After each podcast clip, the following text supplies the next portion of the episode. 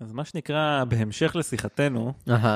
אה, לפני איזה פרק שניים, אה, דיברנו בפתיח על אה, בעיית החזירים, אוקיי, כן. ואיך מתמודדים איתה, לפחות מנסים להתמודד איתה בארץ. בבקשה. עכשיו, זה מכבר, חזרתי מארצות הברית, וגיליתי שם שיש, בטקסס, יש גם בעיה של חזירי בר. אוקיי. אה, וגם הם מצאו איזושהי דרך מקורית להתמודד איתה. לאכול אותם? אני מניח שגם, אוקיי. אבל כדי לאכול אותם צריך קודם כל, יש איזו סוגיה טכנית או שצריך להרוג אותם. אהה. אני מקשיב. אוקיי, אז יש אה, אה, דבר שנקרא הלי בייקון. מה זה הלי בייקון? זה הלחם של המילים הליקופטר ובייקון. אוקיי, כן. אתה רואה לאן זה הולך? ספר לי עוד. אוקיי, אז אני פשוט... אה, הכותרת היא, של הכתבה שממנה אני מקריא את זה, זה עבור 35 אלף דולר, חברה מטקסס תיתן לך לירות בחזירי בר באמצעות M16 מהליקופטר. אמיתי לגמרי. ראיתי וידאוים של זה, זה חולני ברמות, וזה בלי ספק הדבר הכי אמריקאי שתראה. וואו. אני... הדבר הכי אמריקאי שתראה זה אחרי זה שתיקח את הבייקון הזה ותיקח את החזיר הזה ותבשל אותם ביחד. כן. כשאתה יורד מה... כשאתה יורד. מהמסוק שלך. זה משהו ביזארי לחלוטין, אני מאוד מקווה שנזכור לשים לינק לדבר הזה בתגובות. אמ, אבל מי שלא, כבר עכשיו יכול לחפש הלי בייקון, אתם תמצאו את זה, זה דבר אני אמיתי. חשבתי על הלחם של הלי ברי ובייקון. או לא. או אם כבר אתה אומר לי אה, הליקופטר ובייקון, אז אני חושב על דרון שכזה מרחף ממש קרוב אליהם, והם רוצים לאכול את ה... את ה-whatever שאתה מטלטל בפניהם, נגיד הבייקון, הם באים, הם מתקרבים לדרון, ואז הדרון מחסל אותם. זה יכול להיות הרבה יותר נחמד עד החלק של החיסול.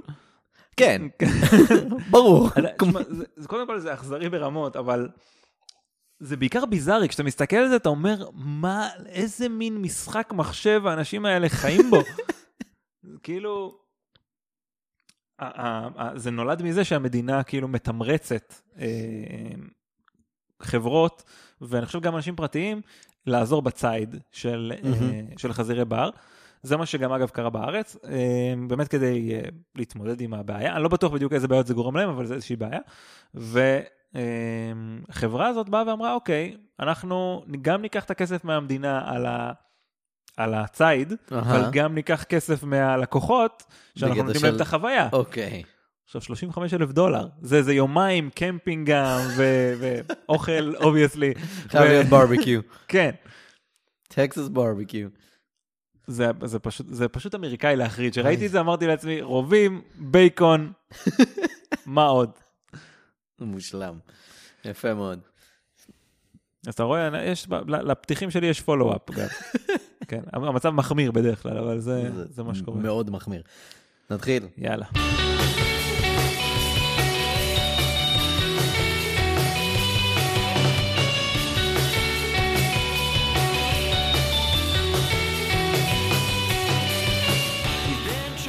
היי, מה שלומכם? ערב טוב. אהלן, ברוכים הבאים, עוד פרק של... מה יש בזה? כן, אתה אלעד יצחקי. ואני קובי מלמד, והנה דובי פה על השטיח בוהה בנו בקטע של מתי אני יוצאת החוצה. תשמעי, מי שתהיה ילדה טובה, בסופו של דבר תצא החוצה. בסופו של דבר, אני לא מתחייב פה על זמנים, לא מתחייב על איכות הטיול, שום דבר, אבל את הזכויות הבסיסיות שלך יכבדו בבית הזה. זה בטוח. מקבלת הרבה יותר מהזכויות הבסיסיות, למה אוכל את לא מקבלת גם, וגם חטיפים? חטיפים זה לא זכות בסיסית על זה היא בכלל. לא יודעת לפרגן. כלבה חצופה. אז מה, מה חדש? אה, אנחנו עושים איזשהו רפרש אה, לעניין הפטריון שלנו. עושים. אז uh, חשוב שתכירו את זה. חשבנו על זה שלפעמים אנחנו גם מדברים על דברים שהם קצת מעבר אולי, או מוצאים איזשהו משהו שהוא מאוד קצר והוא לא פרק פול פאוור. ולפעמים אנחנו עושים דברים מעניינים כמו סדנה ב-HIT לצורך העניין. למשל. אז אמרנו מה אנחנו יכולים לעשות עם זה, אנחנו יכולים לשים את זה כתוכן בונוס לתומכי הפטריון שלנו. אז uh, בעצם מהשבוע, uh, כל מי שתומך בנו בפטריון, כל עוד אתם עדיין תומכים, יש לכם גישה בפטריון, בדף שלנו בעצם, לתוכן בונוס שאנחנו תוכן נתחיל, בונוס. כן, שאנחנו נתחיל להעלות. אה, אז אה, זה לכל המדרגות, אגב, חשוב להדגיש את זה. אה, ואנחנו כמובן מעריכים כל דבר. ברור. ומודים לכם מאוד. אגב, אה, שני פרקים מהפיד הרגיל, שפשוט אנחנו פחות מבסוטים על הסאונד שלהם, אז הם יעברו מהפיד הרגיל לתוך הפיד מהמם. בונוס של פטריון. אני בטוח שכולם סבבה עם זה. מה עוד בנושא? זהו, יהיה כיף, תוכן בונוס. כן, תוכן בונוס, יהיה cool. כן. חומרי העשרה, אם תרצו. כי אנחנו אנשי, אנשי, אנחנו אנשי העשרה, בין אכן. היתר. אז, אה, אנחנו ממש מוכיחים את זה כן. השבוע, שאנחנו אנשי העשרה נכון, בחינוך. באנו להעשיר. yes. ספר להם חוקי הפורמט? כן, נראה לי שצריך. yes. קובי מביא סיפור אמיתי לחלוטין, שקרה לגמרי באמת, אבל נשמע מופרך. אני לא שמעתי את הסיפור הזה מעולם, אני שומע אותו יחד איתכם פעם הראשונה, אה, ורואים לאן זה לוקח אותנו. עושים הכל בטייק אחד, בלי עריכות ובלי עניינים, ו... בלי סיפורים ובלי טמטומים. בלי טריקים ובלי... כן. אוקיי. יש מצב שנכניס בעריכה איזה יגאל עדיקה פעם אחת, כזה, טח, ככה. אני לא יודע, יש לו איזה catch phrase ליגאל עדיקה? אני יגאל עדיקה. הנה, בבקשה. אז הנה, הנה עשינו את זה. כאילו שהוא איזה פוקימון, יגאל עדיקה. מכת עבדי. וואו. אה, כן. עבדי, used עבדי, it's super effective. נהדר. זה עובד טוב נגד אה, פוקימון מים. כי זה מייבש אותם לאט. אה, טוב, וואו. יאללה, מגניב. נתחיל? סע. בואו נתחיל. הנרי בסמר נולד ב-19 ב-19 בינואר 1813 בצ'רלטון, אנגליה. יפה. אווירה אירופאית. אווירה אירופאית סלש אווירה של גיא לוזון, תלוי לאן תיקח את זה. אוי, נכון. אה, בסמר היה ממציא חשוב במאה ה-19, הוא פיתח יותר מ-100 פטנטים בתחומי הפלדה, הזכוכית והמתכת. אה, השיטה המהפכנית שהוא פיתח כדי לסנן חומרי לוואי בייצור מוטות פלדה, הייתה בשימוש מאוד רחב במשך עשרות שנים, אה, ממש עד לפני כמה עשורים. הפיתוחים וההמצאות שלו זיכו אותו מאוחר יותר בתואר אבירות. אז הוא. סר הנרי בסמר. אוב צ'רלטון. כן. גם אבא שלו, אגב, היה ממציא. ב... הוא ממציא בן ממציא זה. כל המשפחה שלו ממציאים. אמא, מה יש. לאכול? אתה לא מבין מה המצאתי. אל תמציא לי פה שום דבר אחר. אמ, המוניטין של בסמר גרם לו להיות כל הזמן בתנועה, במיוחד בין אנגליה לצרפת. אה, מה שאומר, בתקופה הזאת, בעיקר בספינות, בטח. סלאש אוניות. אמ, רק מה, אממה. הנרי בסמר סבל מאוד ממחלת ים. אני מאוד מאוד מזדהה. כן? מאוד. אני רק רואה, רואה אונייה באה לי להקיא. אני רק רואה ים, ואני חולה. הבעיה זה שאתה לא רואה את הים, כי אם לא שמים שלט קטן, איך אתה- אמור? אה, יש לנו מאזינים צעירים מדי בשביל זה. ספרו לנו בתגובות. לא יודע מה, אבל ספרו לנו. ספרו משהו. אמ, עכשיו, כמובן שהוא לא לבד. אתה, אני וזה, יותר מ-90% מבני האדם סובלים מאיזושהי רמה של, אה, לאו דווקא מחלת ים, אבל motion sickness, מחלת נסיעה כלשהי. אה, חלק מהאנשים יותר, חלק פחות, אבל זה ממש ברמה של 90% פלוס. דאם. אה, מהאוכלוסייה. אבל באופן מפתיע, בתקופה ההיא, במאה ה-19, למרות שספינות היו כלי התחבורה העיקרי פחות או יותר, אה, עדיין לא הייתה באמת שום תרופה אמיתית למחלת ים. יש כל מיני רעיונות, יש כל מיני דברים שעוזרים להקל. נגיד, תרופות תס, סבתא. תסתכל על האופק, אה, אומרים על... אבל ג'ין- באופק יש ים. איך זה יעזור לי? על, אה, אומרים שג'ינסנג מאוד עוזר. ג'ינסנג. כן, כל מיני כאלה, אבל לא הייתה באמת תרופה אמיתית. אז בשנת 1868, לבסמר היה רעיון. אם אנשים סובלים ממחלת ים בגלל שהחדר כל הזמן בתזוזה או האונייה כל הזמן בתזוזה, אולי אפשר יהיה איכשהו לקבע את החדר כדי שהוא לא יזוז. הגיוני. אה, אז הוא החליט לנסות לקחת חדר בספינה, ואז לקבע אותו על כל מיני צירים, אה, בין אם זה צירים מסתובבים או צירים הידראוליים, אה, כל מיני אופציות, וככה בעצם למנוע את התזוזה של. החדר. הוא קיבל את ההשראה מהתבוננות פשוט על מצפן של ספינה. עכשיו, מי שראה מצפנים כאלה, העגולים הגדולים, אז המצפן תמיד נשאר יציב, לא משנה מה תעשה איתו, תסובב אותו וזה, נכון. הוא תמיד יהיה מכוון לאותו כיוון. אמ, עכשיו, הרעיון שלו היה מבוסס על משהו שהיה באותה תקופה די הדעה הרווחת לגבי אה, מחלת ים. אנשים חשבו שכל העניין של הבחילה והסחרחורות נגרמות בגלל שהתנועה של הספינה פשוט מטלטלת את האיברים הפנימיים, ובעיקר את הקיבה. כאילו הקיבה שלך שוחה כזה, ו... אה, זה מה שהם חשבו, אוקיי. כן, והיא זזה בפנים, ומתישהו מתנגשת בדברים, אז יש לך מתהפכת לי בחילה. הבטן. כן, אז הם ממש חשבו שזה ליטרלי מה שקורה. כן. אמ, ובגלל זה, אחד מהפתרונות כביכול של, אה, של מחלת ים באותה תקופה, היה פשוט ללבוש מכוך, אה, שמצמיד לך את הכל כזה, ואז שום דבר לא יזוז. כאילו, אתה חשבת שלא נוח לך עד עכשיו? חכה רגע. אין שום סיכוי שהנסיעה הזאת בספינה תהפוך להיות יות- פחות נוחה. hold my fucking beer. אמ, רעיון אחר, אגב, שניסו לא מעט במאה ה-19, היה פשוט לתת מכות חשמל, כדי, ש... כדי שהאיברים הפנימיים לא יזוזו. לא הבנתי את זה, אני קורא את זה ואני כזה, כאילו מה, הם לא יזוזו מפחד? לא יודע מה קורה שם. כנראה זה משהו כזה. כאילו, אתה יודע, באמת כסוג של, אה, כסוג של התניה כזו, של אתה... זהר, אל תזוזו. יש לך בחילה, יש לך בחילה, תפסיק עם זה. ואז כאילו, יכול להיות. אז uh, היום כמובן יודעים להסביר שהסיבה האמיתית למחלת ים קשורה לכל, לחושים השונים בגוף, כל מיני uh, קולטני מידע למערכת הראייה, לאוזן הפנימית, uh, עניינים של בין אם זה שיווי משקל או ראייה וכ- ומגע כן. וכאלה.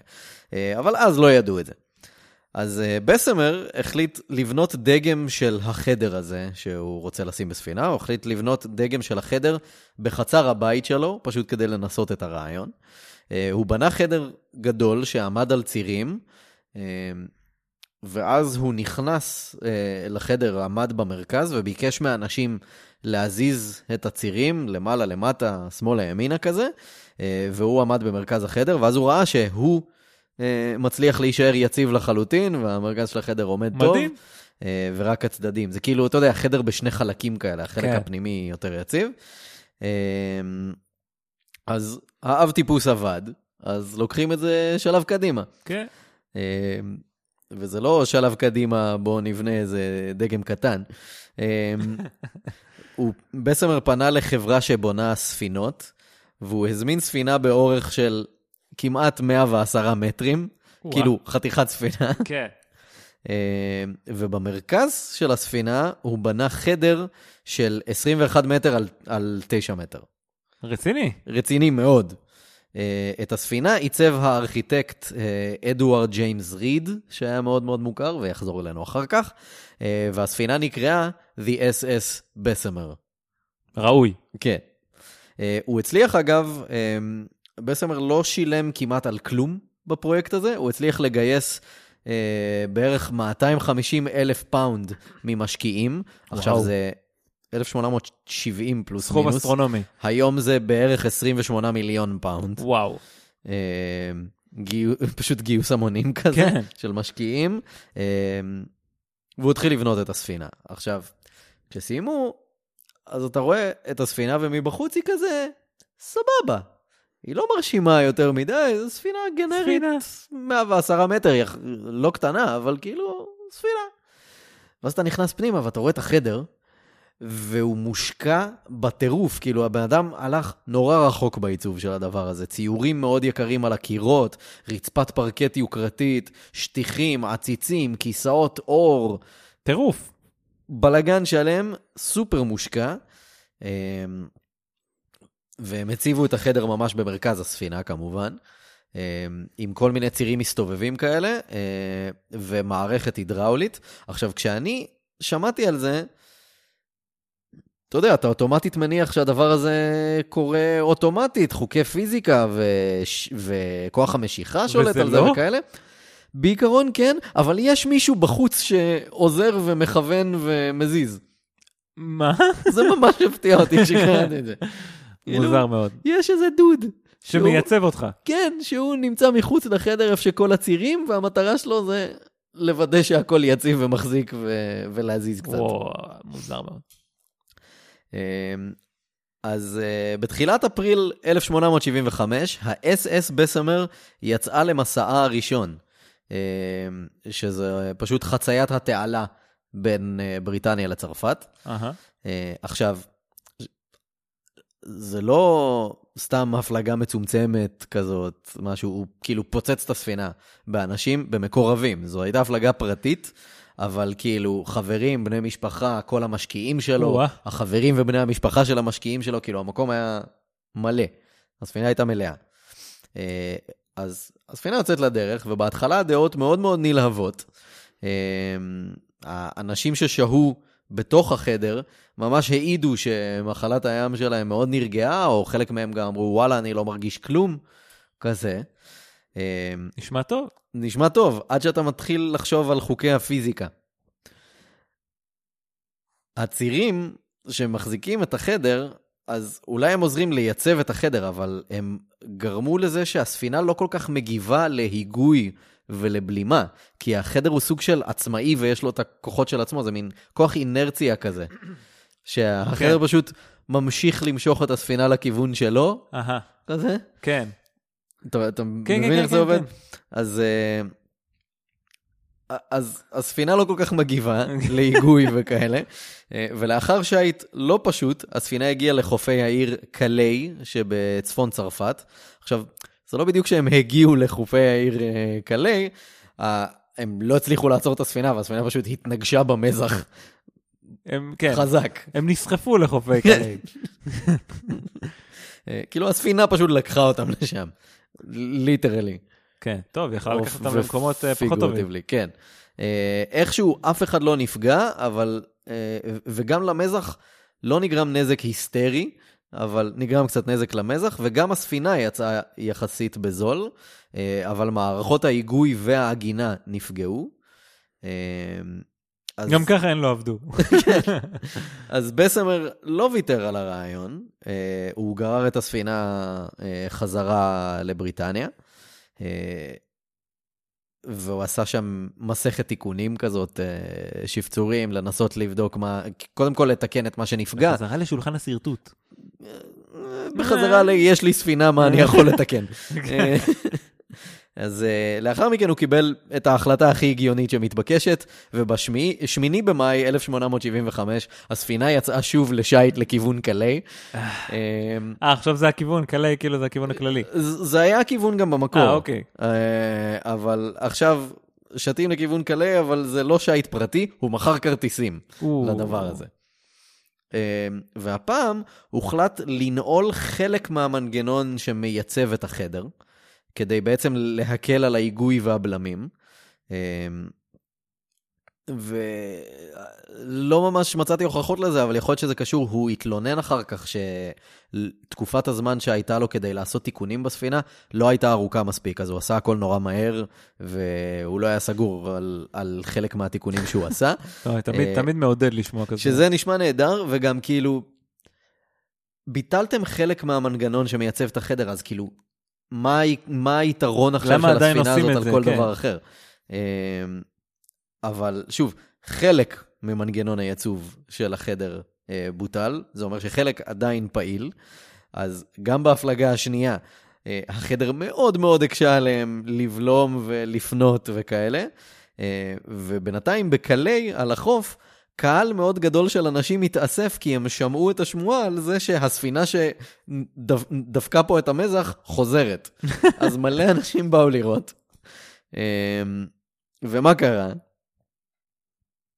התנגשה במזח. שוב הספינה התנגשה במזח, אבל הפעם ממש עשתה מלא נזק, כאילו המזח נשבר ונתלש כמעט לחלוטין, אה, ועדיין איכשהו, גם בזה וגם בקודמת, לא היו פצועים, באופן מאוד מפתיע. אולי התנגשה ממש לאט. יכול להיות, ממש לאט, אבל כאילו, עם, עם כוונה. עם כוונה ובעקשנות, כאילו, אני ממשיכה קדימה. כן. אה, אז, אז אה, הספינה שוב נלקחה חזרה לבריטניה, ועגנה בנמל דובר אה, במשך כמה שנים, עד שב-1879 לקחו אותה לפירוק. אה, ומעצב הספינה, ההוא שדיברנו עליו קודם, אדוארד כן. ג'יימס ריד, אה, שמר את החדר הגדול אה, לעצמו, הוא לא הסכים לוותר עליו ולא הסכים מפואר. לפרק אותו. אה, הוא לקח את החדר, הבית שלו היה בסוואנלי, שזה כזה פרבר של... אה, סוואנלי. סוואנלי, שזה פרבר כמו של איזה לונדון. ריג'ן, כן. לגמרי. המצאה מוחלטת. זה נשמע כמו השמות שנותנים, השמות המזויפים שנותנים ב- ב Pro Evolution, כן. אז זה, זה הסוונזי של Pro זה Evolution. סוונזי וברנלי כזה. כן. אז אה, קיצר, הבן אדם גר אה, בסוונלי, בפרברי לונדון, אה, והוא לקח את החדר אליו הביתה, שם אותו בעצם מחוץ לבית והשתמש בו בתור חדר ביליארד, גאון. שזה מגניב. Uh, ואז אדוארד ג'יימס ריד נפטר ב-1906, והפכו את הבית שלו, בגלל שהבית שלו היה כל כך uh, מפואר ומרשים וגדול, הפכו את הבית שלו למכללה. Uh, המכללה החקלאית של סוונלי, כאילו. אה, והחדר עצמו, מה שהיה חדר הביליארד, אה, החדר מהספינה הפך בעצם לאולם הרצאות אה, של המכללה, והיה בשימוש במשך עשרות שנים, עד שבראשון במרץ 1944, המכללה ספגה ארבע פגיעות ישירות איי. מהפצצות של הגרמנים. הגרמנים. אחת הפגיעות הישירות הייתה בחדר עצמו, ממש שברו את החדר איזה לגמרי. והוא- נאצים. כאילו, אני לא מצליח לחשוב על שום דבר יותר גרוע שהגרמנים יכולים לעשות. אין, אפילו לא אחד. אז uh, ממש החדר נהרס כמעט לחלוטין, שרדו uh, שלושה לוחות עץ, uh, וזה כל מה שנשאר מהחדר הזה. Uh, הנרי בסמר נפטר ב-15 במרץ 1898 בגיל 85. עכשיו, אומנם הרעיון של לייצב חדר שלם בספינה בעזרת צירים, uh, זה רעיון שנזנח מאוד מהר ולא חזרו אליו. אבל כל הקונספט הזה של צירים שמייצבים דברים בספינות, זה קורה עד היום. כאילו, אתה יכול לראות את זה אפילו ב... אה, מי שהיה בכל מיני ספינות תענוגות וכאלה בטח ראה, אבל מיטות מוחזקות על כל מיני צירים כאלה. וואלה. אה, אפילו שולחני, אה, אה, שולחני, שולחנות אה, סנוקר, שולחנות ביליארד כאלה, הם גם ממש באמת? מוחזקים באופן יציב. יש סרטונים ביוטיוב שמראים כאילו, אתה יודע, ים סוער, ואנשים עפים בחדר, והשולחן כזה יציב, הכדורים במקום. זה מה שחשוב. זה מה שחשוב. אה, אז כן, זה קורה עד היום. אז כאילו הוא סוג של השפיע על משהו שקורה. אז הקונספט הכללי היה טוב, הביצוע היה מזעזע. פחות טוב. אני אגיד לך מה, אה, חשבתי על זה מקודם, כשאמרת שמה שנראה כמו הפלגת, כמו שנראה כמו כישלון בהפלגה הראשונה, כן. אה, אתה אומר, חזרו חזרה, תקנו כמה דברים כזה בחאווה, ואז עשו את אותו דבר רק בתשלום. יפ. זה לא מאוד שונה מהתנהלות של סטארט-אפים, אני חייב להגיד לך. אחד, יש. משקיעים. עכשיו, משקיעים רואים את העובדות היבשות, אנחנו שמנו כסף, זה בטוח קרה. האם הספינה הגיעה ליעד שלה? הגיעה, אוקיי. סבבה, אולי הגינה לא הייתה מושלמת. ככה ככה מציגים הגינה לא הייתה מושלמת, בהיגוי היו קצת בעיות, אבל הגענו, כאילו מאיפה שיצאנו לאיפה שרצינו להגיע, נכון. והיה יציב בדרך, אני מניח, כן. לפי הפידבק שאנשים נתנו. זאת הצלחה, ככה נראית הצלחה במיזם כזה. זה, זה בטא טוב. ככה נראית הצלחה, כן. ואם זה הצליח, אז ברור שאנחנו עכשיו הולכים כאילו, טוב, נתקן את כמה, ניתן לך יום, אהה. יומיים לתקן את כל הדברים האלה ונוציא את זה ליוזרים אמיתיים. אהה. זה בדיוק מה שקרה שם, רק כטכנולוג אני יודע להגיד שכשאתה מחפף בדברים האלה עד כדי כך, בסוף גם המוצר שלך הולך כן, לפירוק. זה יקרוס, אז בדיוק, המוצר שלהם לגמרי הלך לפירוק. כן, זה הק- הקבלה מאוד יפה. יפה. כן, היה שווה, היה שווה להיוולד. אמ, טוב, זה היה. עוד פרק של. מה יש בזה? יס, אה, איפה אנחנו נמצאים בעצם? פייסבוק, טוויטר, אה, ספוטיפיי. כל אפליקציות הפודקאסטים, יוטיוב. יש יוטיוב גם? אה, יס. נראה לי זה- שכן. כן. אנחנו לא ב-yes. לא, אנחנו לא ב-yes. אבל אם יש לכם סמארט TV, אז אתם יכולים לשים את זה, זה, כן. לא יודע. כן, בסדר. תבקשו מהאחיין שלכם. אמ, הצעות לפרקים אפשר לשלוח למה יש בזה פודקאסט, את זה gmail.com. נכון מאוד, ו... ומי שרוצה לתרום לנו איזה שקל, אנחנו נשמח, יש לנו עמוד פטריון. יס, נהדר. ועכשיו יש אה, תוכן בונוס. תוכן בונוס לתורמים בכל בוא. הרמות. אין אצלנו הבדלי מעמד, כמעט. כן, כאילו גם, גם אם אתם, בכל הרמות של התורמים גם, כאילו אתם יכולים להיות תורם ממש מגניב, אתם יכולים להיות תורם ממש מעפן, תקבלו את אותו תוכן. נכון. כל עוד. אתם תורמים, אנחנו ומעריכים. כל שקל אוהבים את כמובן. זה מאוד.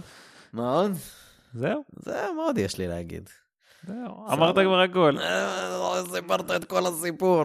יאללה, אז עד הפרק הבא. יאללה ביי. יאללה ביי.